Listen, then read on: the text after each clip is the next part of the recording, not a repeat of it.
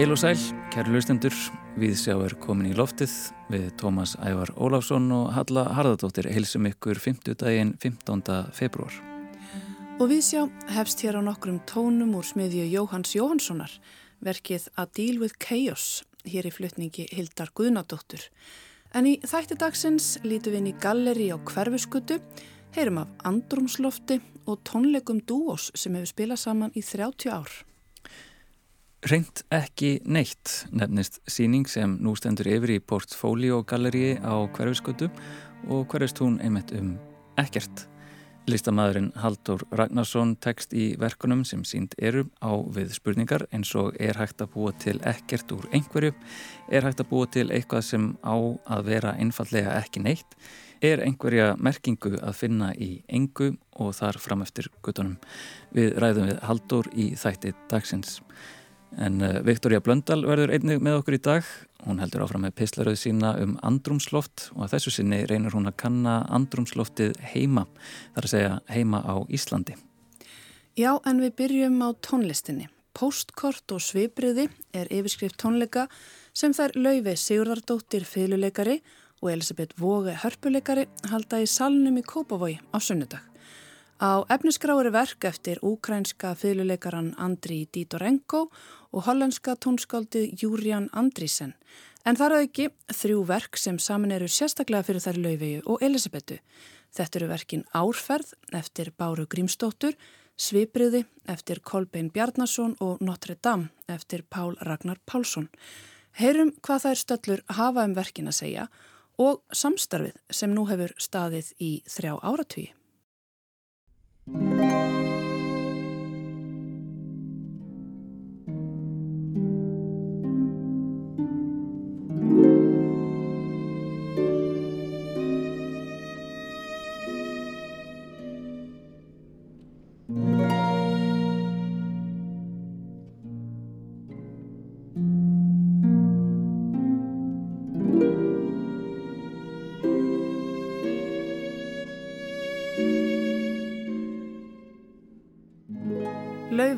Elisabeth verið hjartanlega velkomnar í Vísjá. Takk fyrir. Takk. Hvar hóst ykkar vinskapur?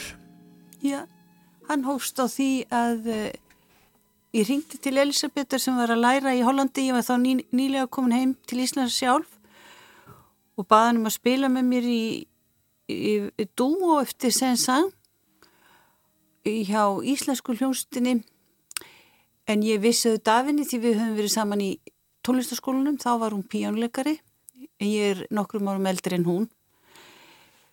Og við fluttum þetta mjólaleitið þetta þessa fantasi eftir sensan og aldrei aftur því að þetta er mjög skrítin tónlist eða einhvern veginn e, fyrir okkur var hún skrítin, eða sérstaklega mig kannski var hún svolítið skrítin en mér langar alltaf til að reyna að spila þetta aftur. Höfum það kannski eftir. Já, kannski. En þarna upphóst samstarf og upp úr því alveg einstök viðnáta sem við höfum átt núna um árabil og út frá okkar samstarfi hefur líka, hafa líka fæðist önnurverk, einhver sem okkur finnst henda okkar hljófarum en betur heldur en þessi ágæta Já, þó hún sé náttúrulega svo sem fræga því það er kannski ekki alltaf um auð og engar að gresja í þessu. Og þetta hefur gengið það vel að hérna, þið hafið haldið áfram, ótröðar. Sannarlega. Og spilað hér á landi og, og í Hollandi þar sem ég var að læra og, og bjóð svo lengi. Svo fórum við nú til Ítalíu sinni, það var líka mjög skemmtilegt. Já, já. Þið voru báðar í framhalsnámi Ellendis Já, já, það fara allir til útlanda sem að Hvar varst þú lefi? Ég var í Ameríku, svo var ég á Ítalíu aðeins líka.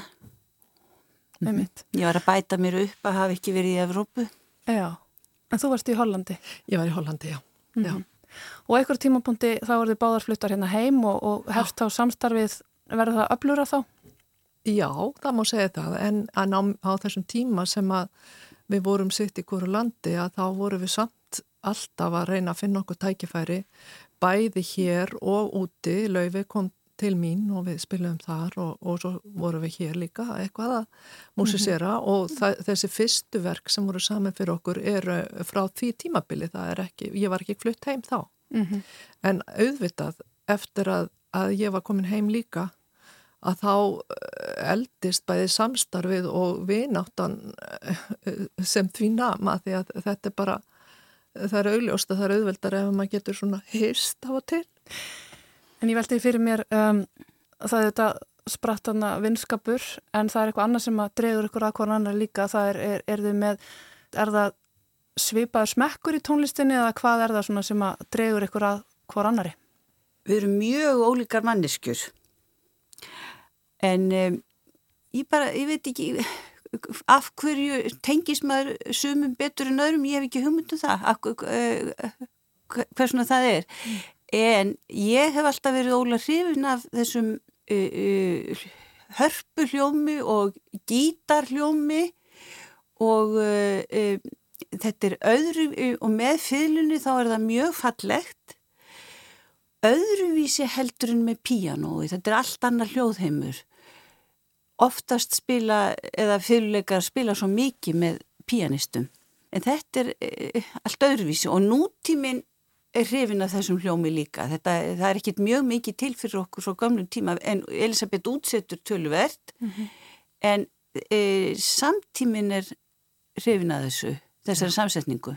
Já, já, en, en sko eins og Laufi segir, við erum afar ólíkar en kannski er einmitt þessar anstæður í okkur sem að gerir þessa vináttu svolítið skemmtilega og ég hef lært mjög mikið af lögvegu og, og það er eitthvað svona, það, það er mjög lifandi samstarf.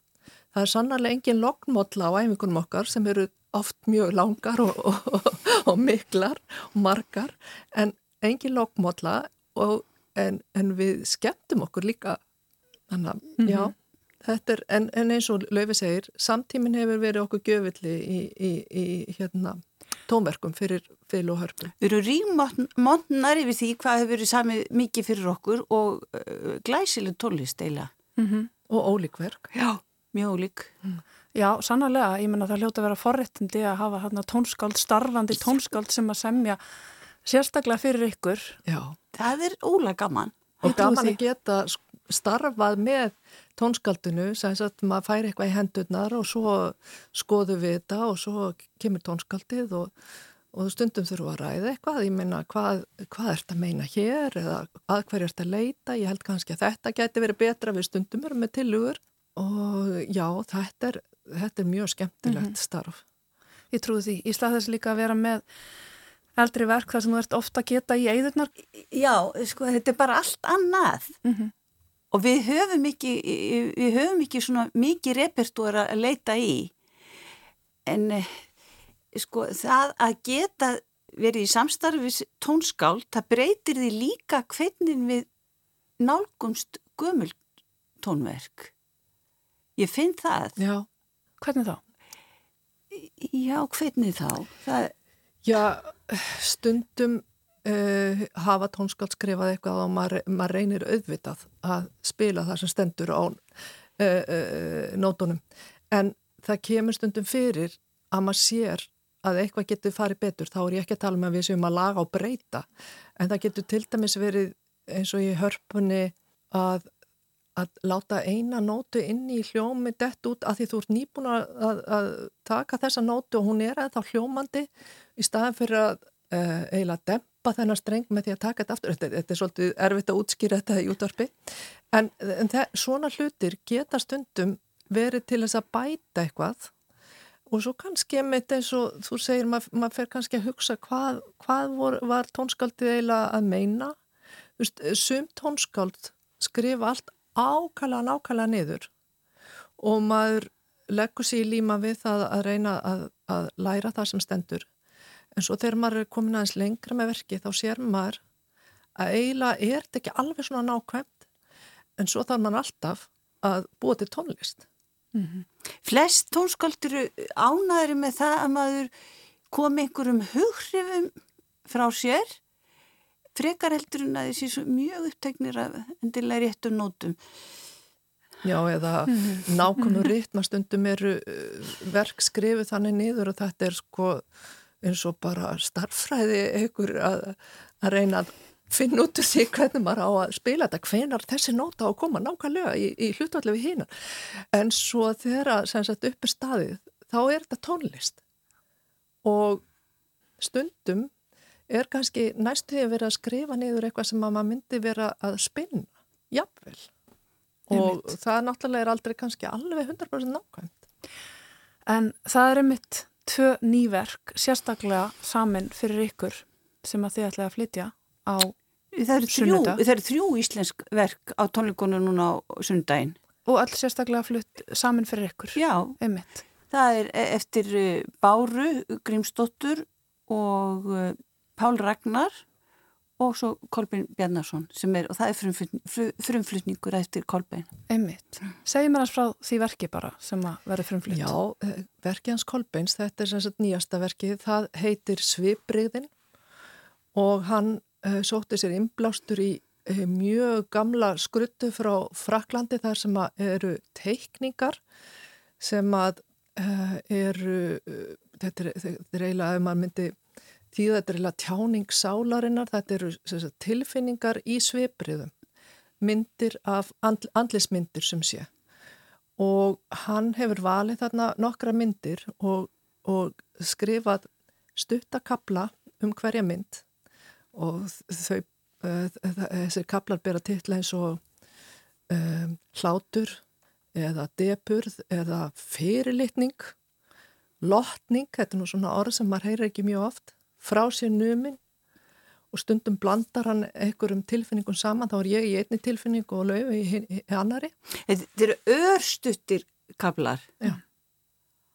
En hún tekst, tekst að tengja saman og það miðlar einhverju á þessum, eh, þetta er stundur svo stutt, ég held að þetta sé innan við mínútu stundum eða kannski já, kringum mínútu, já. að þá miðlar hann einhverjum eh, sem að eh, okkur þykir æla fín. Það er, það, það er hérna sársöki líka sem er bara afar stuttur sem betur fyrr, mm. en, en mjög, þetta er mjög sársökafullt, þetta er alveg bara algjör pína. Við verðum heyra svipriðin hljóma. Já. Ummitt. Sko Svo er þarna vark eins og segir eftir Pál Ragnar Já, Pálsson, Notre, Notre Dame. Já, það er allt öru í sig. Hvernig er það allt öru í sig? Já, það er svona eins og maður geti ímyndu sér að vera jafnvel spunnið og hann er uh, þetta, mik mjög mikla stemningar og líka alveg sér hljóðheimur. Öll Já. þessi þrjútónskólda alveg sér hljóðheim og alveg sitt eigið tungumál. Það er svo gjörólík. Hjá Páli Ragnari þá er hann mikið að leika sér með kannski sömu nótuna uh, á mismunandi strengjum eða framkvæmda á mismunandi hátt þannig að kom alltaf aðeins önnur blæbriði Beglartónin til dæmis, já, mm -hmm. já. og þetta, þetta er, það er eitthvað þetta er svona, já, þetta er svona eins og þú segir, svolítið spuni eh, hljómandi spuni kannski og eða já, þetta er einhver hljóðhæmur sem er indislegt að vera í, eða okkur þykir það allavega Já, já Svo er það árferð eftir Báru Grímsdóttur. Já, það er allt öruvísi. Það er, uh, hún er, uh, í þessu verki er hún, okkur þykir þetta alveg frábært, tón, frábært tónlist. Og það er, sem sagt, vor morgun, sumar dagur, haust, kvöld og vetrar nótt, heita kaplarnir og þetta er, líka, þetta er stemningsmusík mm. mikil og mjög fallega skrifið fyrir hljóðfærin. Og hún notar þarna svolítið efni úr okkar þjóðlaga arfi og, og, og það er stemning eins og Lauvi segir þessi sko eins og morgun og kvöld og, og kuldin og allt þetta, Mar, maður heyrir það alveg í tónlistin hennar. Mm -hmm. Þannig að þessi þrjú verk eru sko gerðsamlega ólík og fyrir utan þessi þá ætlum við að leika tvö önnur það er eitt eftir Úgræs tónskald feiluleikara Dito Renko heitir hann það ekki Þetta eru eiginlega þjóðlög.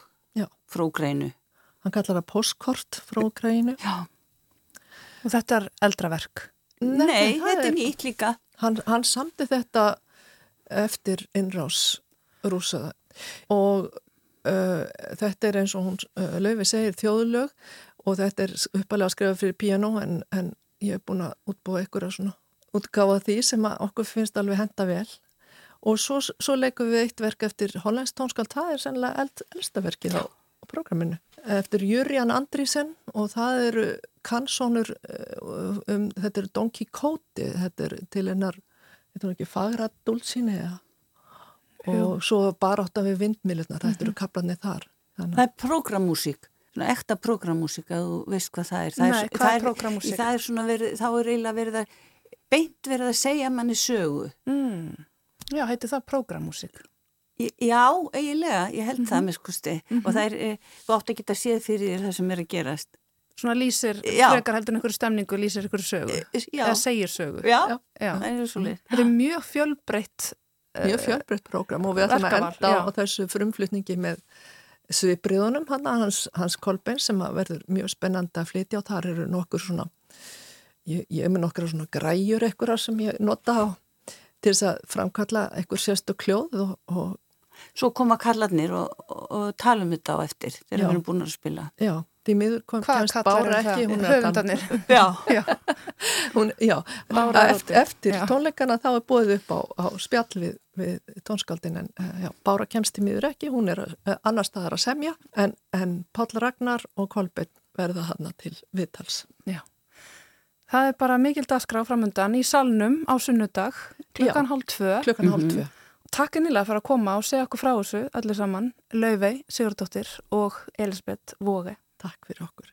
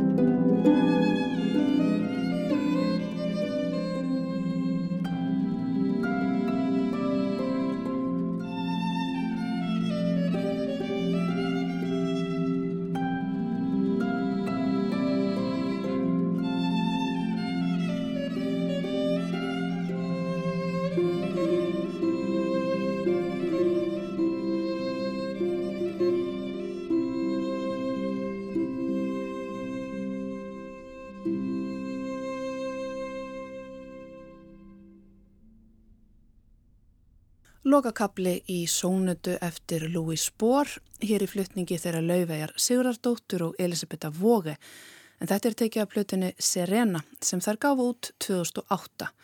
Tónleikar þeirra postkort og svipriði, þar sem þær leika verk eftir fimm höfunda, þar af þrjú verk sem saman eru sérstaklega fyrir þær, verða í salnum í Kópavogi næstkomandi sunnudag klukkan 13.30. En þá yfir í annars konar stemmingu Viktoria Blöndal, sviðslistakonna, hefur verið að kanna alls konar andrumsloft og hún tekur nú við.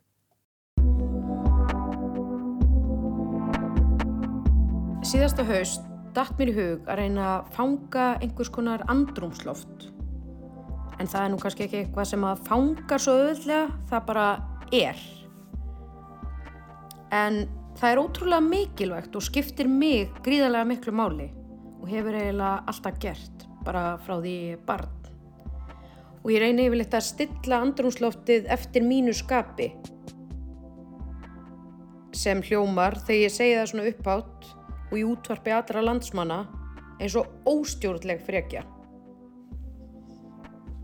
En þa það sem ég meina er eiginlega bara, ég reyni yfirleitt að stilla það eftir í hvaða stöð ég er. Ok, stöð eða skap til skiljið.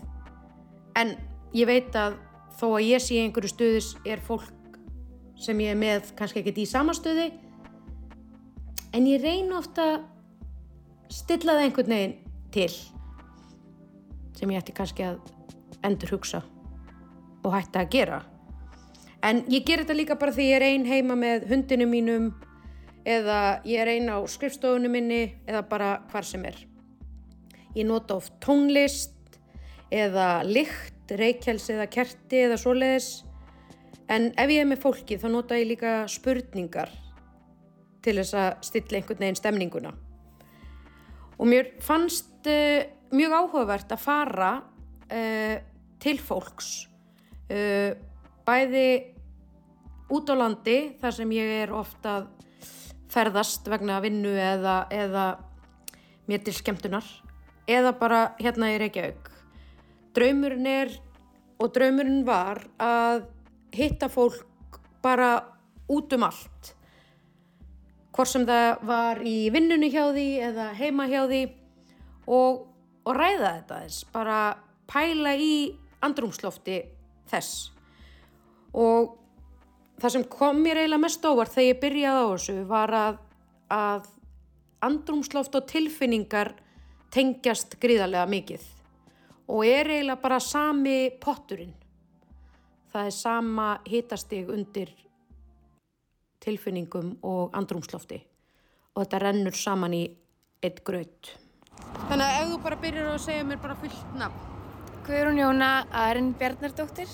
Ok, bara tilfinning og andrumsloft þegar þú lendir á Íslandi.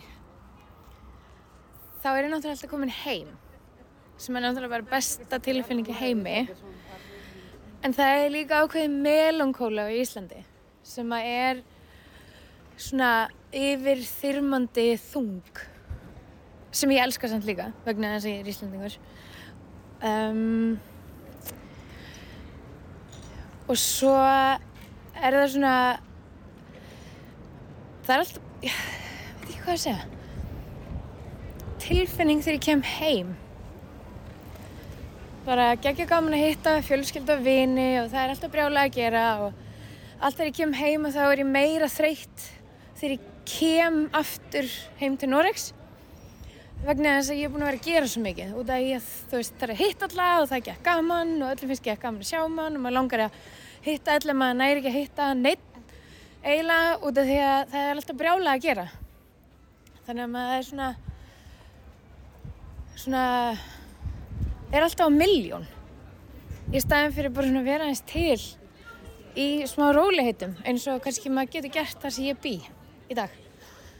Bara já um, En byrju, hvað ertu búin að búa lengi í Oslo? í Oslo er ég búin að búa í tíu ár. Um, í Nóri er ég búin að búa mun lengur. Og svo er ég búin að ferðast svolítið mikið hér og þar Þannig að samtals hef ég verið hálfa æfina ekki á Íslandi. Ok, en, en þú heyrir hérna Æslandi er eitthvað velkomin heim tilfinninguna? Uh, það er alltaf gott. Er það? Já, það er alltaf gott sko. Já, ég get ekki sagt neitt annað en að það sé alltaf gott. En það er svona, ég gæti, þú veist, aldrei sé aldrei, en ég er mjög hörða því ég má aldrei segja aldrei en ég held ég fluti kannski ekkert endilega heim aftur En það er líka bara svona borgarskipulega í Íslandi er bara svo lélagt. Þú veist, ég nenni ekki að búa í borg þar sem þú þarfst að keira bíl út um allt og, og veist, það hefur ekkert með veðrið að gera. Ég bý í Nóri, halló. Þannig að þú veist, það er bara svo ógeðslega lélagt borgarskipulega. Þannig ég hef stundu sagt svona, þú veist, ef ég myndi flytja heima þá þurfti ég allavega að laga það fyrst. Þú getur gert það, þú ert arkitekt. Já, nei, það er ekki, Er, það er... ég er arkitekt og það ekki. Jú, jú, jú, jú, algjörlega. En það er, þarf alltaf eh, hóp af samstarfi af fólki sem að vill breyta hlutunum. Já, svo.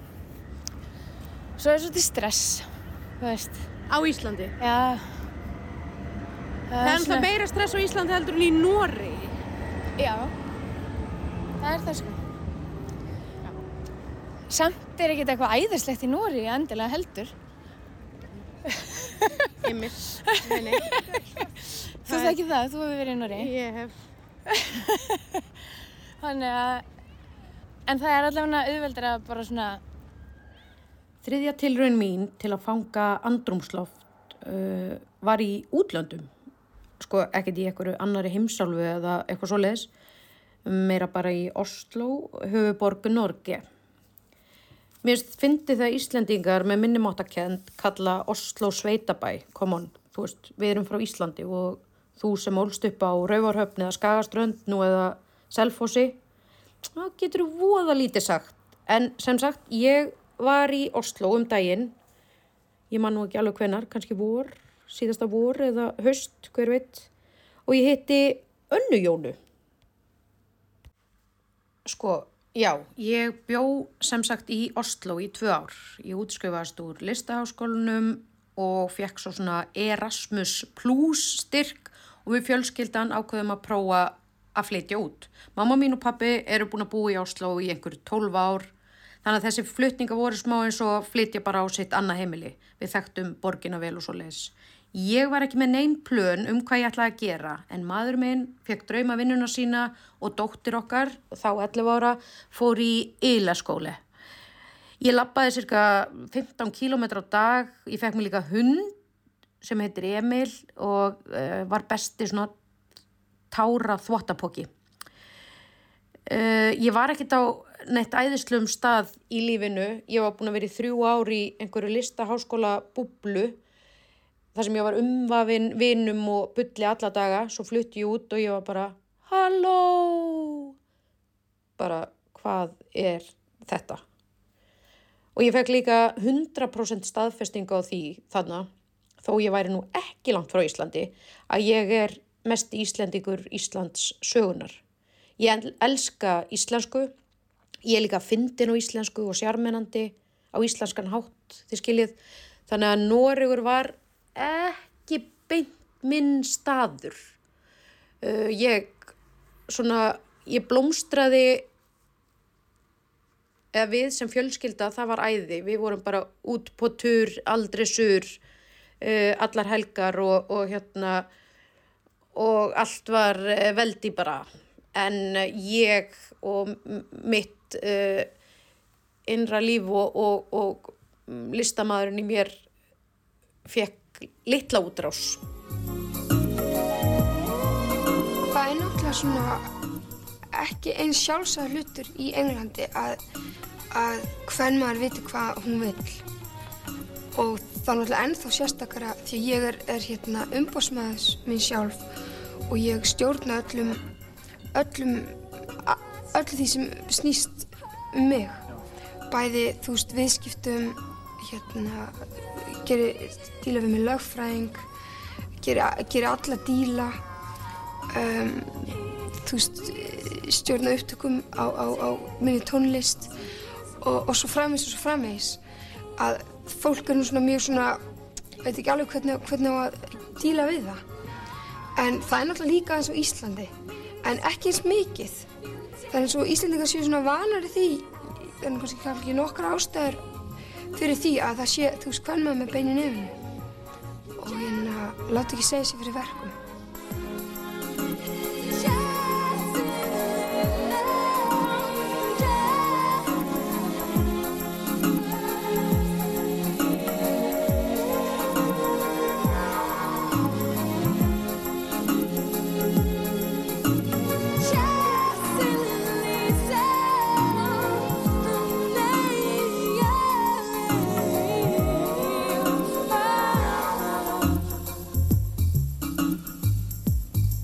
maður er náttúrulega með mjög svona sterka mynd í kollinum. Hvað maður kemur og, og hvaða blóð maður er með í æðunum. Og hérna þetta er svona öðruvís eitthvað það er ekki, það er ekki hægt að lýsa því. Þetta er svona meira spurningum ímynd og svona mynd í kollin sem maður er með sem að er mjög svona næst í trúaleg svona spirituált fyrir manni meðan á Íslandi þá er þetta meira svona daglegt dæmi og svona brandarar og, og, og, og þú veist símtölu og svona sko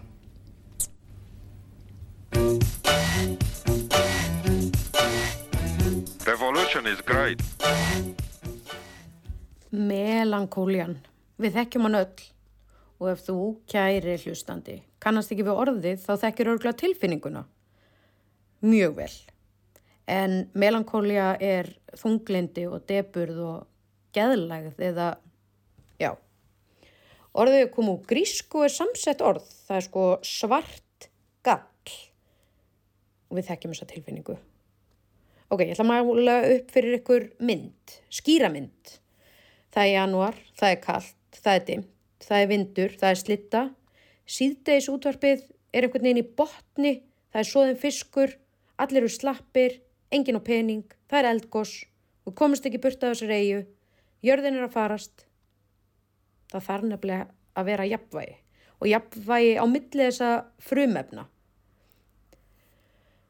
Jörð, vatn, eldur, loft, en hvernig í skotlanum eiga Íslandikar að finna eitthvað jafnvægi þegar allt er eins og það er. Við getum ekki treyst jörðinni því hún er einhvern veginn að springa undan okkur og það er mjög eðlilegt að vera melankólískur á Íslandi eins og Anna Jóna sagði hér. Ég ætla að leifa þessum písli að enda á orðum Vigdísar Fimboadóttur um Ég myndi segja andrumsloft og tilfinningar. You cannot say that Björk is copying anybody. This uh, personality that's absolutely unique. The warmth, the mature attitude to life, but a heart of a child and her Icelandic way of being.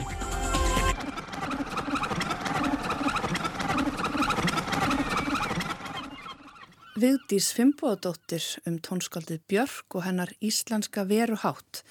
Þetta var Viktoria Blöndal með sinn þriða pistilar 6 um ólík andrumsloft. En við ætlum hér í þættinum að huga að engu.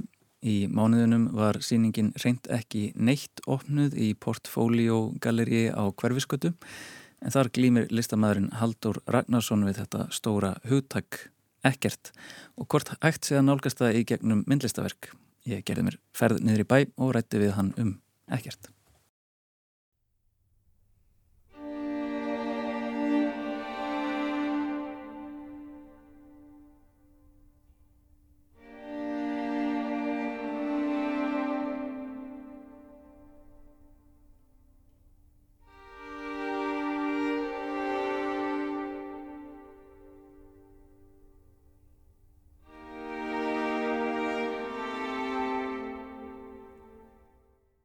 Haldur Ragnarsson takk fyrir að taka mótið mér hér í Portfolio Gallery Verður velkominn og uh, þú ert hér með síninguna reynd ekki neitt mm. en uh, hér er að vissulega svolítið að hlutum uh, hér er eitthvað, hér er eitthvað. Hva, hvað eru að sjá?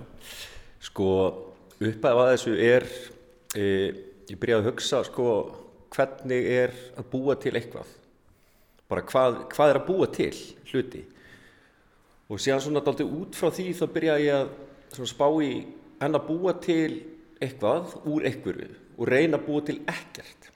Og náttúrulega þá lendir maður strax í einhverju svona vítarunu það er, hægt, það er náttúrulega ekki hægt að búa til ekkert. Sérstaklega ekki þegar þú ert að nota eitthvað. En í raun og veru er ég sko, ég er bara að spá í tilvistni þetta er út að leiða maður byrjar að setja fram ekkert eins og við vorum að tala um þá er maður strax að staðsetja eitthvað þannig að síningin er aldrei bara svona vangaveltur um hvað, hvað er gjössalega að vera og hvað er að skinja og hvað er til dæmis bara myndlist, hvað er að skapa. Þetta eru þannig spurningar sem ég er að, kannski að díla við, en ég er ekki með einn svör hér sér.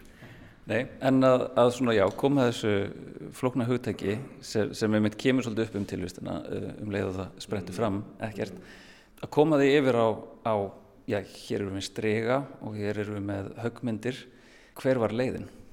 Sko, þessi hérna stóra, þetta stóra málverk hérna sem stendur einfallega bara reyndi ekki neitt, aftur og aftur og aftur. Það er svona alltaf kveikjan að þessu. Það, hérna, ég veit ekki hvað, hvað þetta er endur tekið oft, þetta er alltaf endur tekið mjög oft. Og uh, einhvern veginn út frá þessu og byrjaði að hugsa, byrju, ef þetta er reyndi ekki neitt, og hérna maður er að skrifa þetta sé reyndi ekki neitt, er ég þá búin að ákveða fyrir áhörðunum að þetta sé ekki neitt? er ég einmitt að gera þetta, gefa sér gildi með því að segja þetta sé reynd ekki neitt eins og við erum að tala um aðan. Þannig að þetta er svona byrjunin. Út frá því og líka þetta dæmi að nota sko algjört svona quality, hvað, hvað segja, quality myndlistar sko efni og reyna að einhvern veginn að fara öfugum einn, eða sérst, uh, hvernig, hvernig getur það, reyna að búa til uh, anti-myndlist eða þú veist, það er hugmyndin þó svo þetta náttúrulega er, ég veit að þetta er eða vonandi er þetta myndlist það, þetta er svona byrjun á því, sér fór ég þess að skuldura hérna aldrei verið að vinna skuldura bara ekki, aldrei, bara ekki einu sem ég var í skólanum eða neitt, ég bara skítrættu við þetta. Og þá var ég að rýfa í sundur pallettur. Ég mjög mikið hvernig ég vinn upp á vinnustofu það er tólti ég er að saga og láta hluti saman og kannski þar er kveikjan, kveikjan er oft bara í höndunum fyrir eitthvað kannski í höstum og þá á, fannst mér þetta svo skemmtilegt efni sem er á milli palletara þetta er svona korkur eða hvað sem þetta er. Og hérna út frá því byrjaði ég að einhvern veginn að byttu, þetta er náttúrulega ekki neitt. Þetta er það sem enginn horfur á. Fólk horfur á sko spýtunar í pallettinu en það er enginn að gefa þessu gaum uh, hvað ég á að kalla en það kork sem er á milli. Þannig að auðvitað byrja ég að nota það. Út af það er hreint ekki neitt. Já, þetta er svona milliefni sem Já, milliefni, er kannski ekki alveg spýta Já, nákvæmlega, nákvæmlega. Þetta er einhvern veginn svona efni sem er að, þú veist, ég held að þessu mjög fáir sem er að taka eftir þessu efni þannig ég ákvað að vinna út frá því að gera þessa skuldura og reyna einhvern veginn, þegar voru byrjar að líkjast eftir einhverju þá þurft ég að einhvern veginn afbyggja þá. Veist, ég þurft að gera þá ennþá lengra að engu. Og hérna og það er úrslega gaman að vinna svona þar sem e, margi myndlistamennu eru að vinna með sko ljótleikan og, og já, eitthvað svona górdæmið eða hvernig það er. Þetta á að vera ekki neitt. Þetta á ekki einu svona að vera e, þú veist, ljótt. Það er svona pælingi með þetta og þeir heita sko ekki snerta ekki hlusta ekki lykta og ekki horfa. En já, þetta er mjög stríðið hugtak og einmitt eins og þú talar um að sko það er eins og sérst að elda það. Mm. þú ert með þetta í höndunum og um leiðu það virðist ætla að verða eitthvað þá breytir þú og reynir að gera ekkert og einhvern veginn það, það, það skreppur undan mm -hmm. en uh, spurningin er síðan sko er þá ekkertið þetta, þetta hugtak mm -hmm. er það er það á milli? Sko eins og vorum að tala um á aðeins með kirkigort það er kannski einmitt á milli þetta ekkert það sem hann minnir þetta hafi verið sko sagðan ekki að, að heimurinn sé skil aftur og bakk, nei lífið sé skilið aftur og bakk en þú voru að lifa því áfram, eða skilur þú þannig að þetta kannski ekkert er kannski þarna ymmit það sem hann er að spá í þetta sko, kannski ekki tómi sem hann er að spá í það er kannski frekar svona dýft sem hann er að spá í. Maður þarf að horfa einhvern veginn aftur og bakk til að fá dýft og ég held að þetta sé kannski þetta ekkert sé ef við um að vera að fara alveg djúft í heilsbyggina þetta sé þarna akkur, akkurat á milli framtíðarnar og, og hérna og sko fortíðarnar en þá er ég að tala um með skilningi með því að hugsa ekki með því að skilur það er ekki hægt að vera í nútíman og segja að sé ekkert nefnum og sért kannski í seninu eða eitthvað svolega sko. Og, og þá þessi tilteknu verk um, bæði þau hérna á strígunum og, og, og högmyndinar um, já þú vinnur þar, þú eldir kannski ekkertið en þau eru mjög lifandi þau breytast meðan þú vinnur þau en síðan þá þegar þau eru komin inn á síningu eru þau það komin ertu að horfa aftur á þau? Eða er, er, er skilningurinn að myndast? Þetta er, eh, sko því ég er að vinna, ég vinn mjög mikið með svona endurtegningu og hef verið að gera svona 10-15 ár, já vá, þetta er orðið 15 ár, maður er ekkert ungur lengur, en hérna í þessari endurtegningu þá er maður einhvern veginn svona, ég er algjörlega í, ég er ekki framtíðinu, núna er ég kannski mótsökt með eitthvað að segja hann, Nú, þá er ég ekki framtíðinu og ekki fortíðinu, ég er ekkert spá í, þú veist, það er ekkert stress og það er ekkert hérna þú veist, það er ekki kvíði eða, eða þú veist, eða eitthvað tillökun eða neitt. Ég er bara svona alveg í mómentinu og meðan þetta ferli er, þá er ég þar og sér er þetta bara búið. Og það er aldrei þannig, sko. Og núna er ég bara að byrja að hugsa annað, sko. Þú veist, ég vinn alltaf í einhverju svona konseptund aldrei, sko. Hvernig byrjað þú í myndlist? Sko, ég kem uppalega úr heimsbygginni og kem svona bakdera megin, hvað, þetta er 2004 fyrir einhvern veginn, ég veit ekkert hvernig ég kemst inn í listáskólan en ég var að segja þessu verð en eða, þú veist, mappa mín var skona, var kannski meiri kannski sá ykkur eitthvað áhugavert við þetta sem var að fara við möppuna. Kannski, þú veist, ég var búin að gefa ljóðabók eitthvað svona indie ljóðabók og eitthvað svoleiðis og var í hljómsveit. Þannig að kannski kemst ég inn á einhverjum verðleiku, ég veit ekki, veit ekki eða þú veist, ég er hér myndlistamöður í dag en hérna, séðan bara hel tekur þetta mig, það er bara svo leis og einhvern næg að blanda þessu saman. Og ég fatta þetta ekki, ég var alltaf að búið til sko einhver myndverk og séðan að skrifa, ég náði aldrei að tengja þetta saman. En þú veist, þetta er alltaf alveg mjög skrítið ef, ef maður hugsa tilbaka, auðvitað er þetta bara mjög svona basic dæmi en þegar ég fatta þetta þá var þetta svona ljósapera bara ha, býtu, get ég, get ég verið að gera myndverk? Tvívít, eða, í tvívít eða þú veist bara svona eins og málverk eða hvernig sem það er og nota texta í það líka. Og þetta var alveg bara svona, þetta var eiginlega svona mesta uppljóminin á mínu ferli sko. Þannig ég byrja þar og einhvern veginn, þetta er mjög einhvern veginn, þetta á ekki að vera eitthvað svona já, þetta er eitthvað svona tenging á milli heimsbyggi og, og hérna myndlistar. Og mér finnst myndlist vera bara svona aðal svona æðsta heimsbyggin sko. Eða svona, þú veist, það sem þú þart að nota augu og skinnjun og mynd einhvern veginn spurningar inn í höstum að þér að meður að horfa. Þetta er ástundun. Já, þetta er ástundun, nákvæmlega sko. En uh, þú nota textan uh, á þessari síningu á mm. að var uh, svona sérstæðan hátt. Við erum að sjá einmitt hann er svolítið brenglegar, það er oft mjög erfitt að lesa á verkin mm. og hann er endurtekinn. Og við hérna rættum það hér aðeins áðan að við kveiktum á hljóðnumanum að, að þetta tengist líkin á kirkigór og, og endurtekninguna. Mm -hmm. til að segja okkur aðeins frá því? Sko, hérna stendur til mér það vantar eitthvað hérna bara aftur og aftur og aftur. Þú veit, er þetta líka, getur maður að horta á þetta er þetta sko persónlega textar þú veist, að reyna að gera eitthvað almenna textar, skilur og reyna að hafa það ekki djúpa, skilur ekki að vera einhvern veginn svona I know it all, það á að vera eitthvað svona mundane hverstaslegt, bara eitthvað, hér vantar eitthvað, bara eins og í ískapin eða, eða kannski bara vantar eitthvað út að þú ert óhæmmingisamur eða hvernig sem það er sko.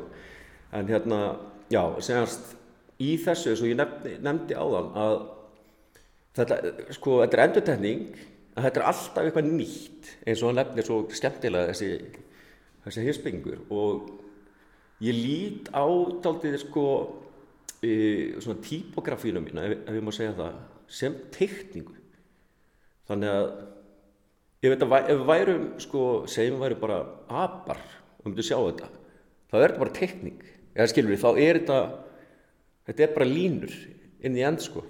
Þannig að, þú veist, ég er að gera þetta þá tekja alveg pásur og horfi og spá í núna ætla ég að stækka núna ætla ég að, þú veist, núna ætla ég að minka og þú veist, þetta er svona aldrei bara svona eins og kannski málanir sem er að horfa á mótilið og þarf að, veist, þarf að fá fjarlægð og eitthvað svoleið sko. Og þau passa einmitt, fannst mér, alveg ótrúlega vel inn í þetta tiltegna rými. Fyrir hérna í Portfolio Gallery og vegginir hérna eru frekar grófir. Það er hérna svona kannski hálfvegis kvítur og síðan sér maður bara beint í steipuna það er svartu bakgrunir og, og, og litinni sem þú velur fyrir þessi verk eru einmitt, þeir eru svona já, þetta er svona grábrún kannski pínu beis og svo er gulur einmitt, svona hann er enginandi í öllum verkunum eiginlega. Brút kemur fyrir og uh, svona hvernig uh, þú vannst þetta með þetta rými í huga, var það ekki? Jú, þi, sko mér finnst að galleri vera bara mér finnst að vera svona fallegasta gallerið eða svona speysið í Reykjavík allavega. Þess að hérna, þetta hefur þetta virkilega grófa og séðan þetta mjög svona núansar sem eru svona mjög fínir. Þannig að þegar þau báðu mig um að halda þessa síðan, sko ég er búin að vera að vinna þessar síningu kannski í uh, hálft, já svona átta mánuð eitthvað svo lis og öll þessi, þessi verk eru sko já sko síningin er bara gjörsanlega, hún er búin til fyrir þessa, þú veist, þetta er alveg ákveð á þessari hæð eru þessi verk. Ég er ekki alveg svona gæði sem er búin til módel en ég næstu í þar sko og já, þetta er alveg gjörsanlega bara svona unni fyrir litirnir og allt alveg sérstaklega unni fyrir þessa veggi og, og svo framvegi sko. og mér finnst æðislegt að vinna þannig sko. en síðan alltaf þegar maður byrjar þá breytist allt sko. þegar, þegar maður er komið verkin inn sko. þá fara þau kannski svona aðeins að skipa fyrir líka já, já, algjörlega sko, og það er bara gott en við stöndum hérna á efri hæðinni og, og það eru, eru nokkuð verk á, á neðri hæðinni sem að mér nokkur aðeins að spyrja það út í. Ef að kíkja neður já, kíkja neður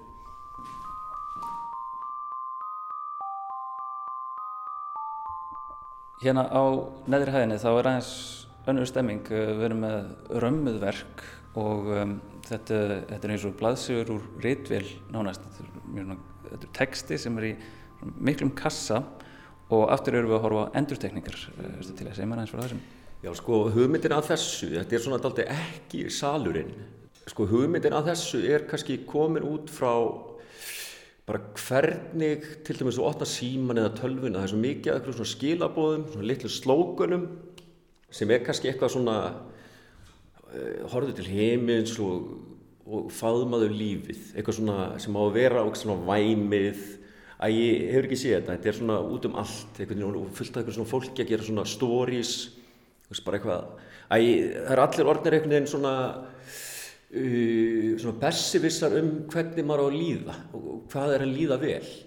Og manneskja sem er að tala kannski ógslag hátt um þetta eða þú veist, ég efasemdir um, um hérna kenns, kennsluna sem hún kannski mögulega er að uh, segja okkur sko. Þannig ég byrjaði að vinna með þessi, þessa jákvæðni sem er kannski einhvern veginn, finnst mér vera aldrei bara svona óþægileg eða svona, þú veist, það er, það er svo mikið svona áreiti að af þessu skilabóðu uh, já, bara eitthvað svona já, óþægileg skilabóð þú þetta eigi að vera eitthvað svona fallegt þannig ég byrjaði að búa til svona slókan út frá ykkur sem er ekkert, þannig að fólk horfi inn í tómið, eða dýftina ég veit ekki, þetta er kannski meira tómið.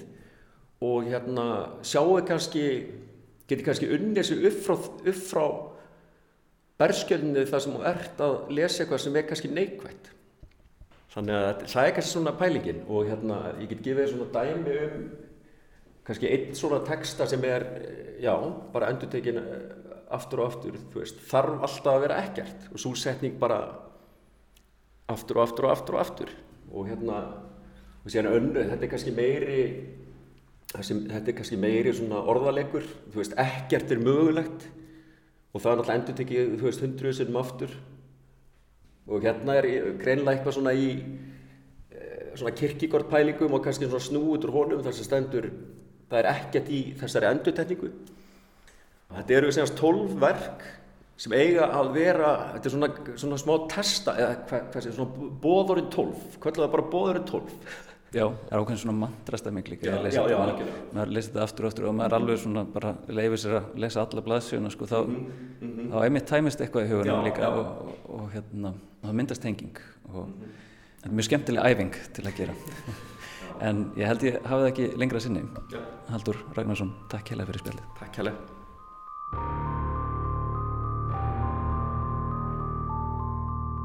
Tómas rætti hér við Haldur Ragnarsson um síningu hans Hreint ekki neitt en hún er opinn í Portfoliogalleri til annars mass næstkomandi. Lægið sem hér er byrjað að hljóma nefnist Rocket Builder og er úr smiðju Jóhans Jóhanssonar og á þeim nótum ljúku við við sjá dagsins. Takk fyrir að hlusta og verðið sæl.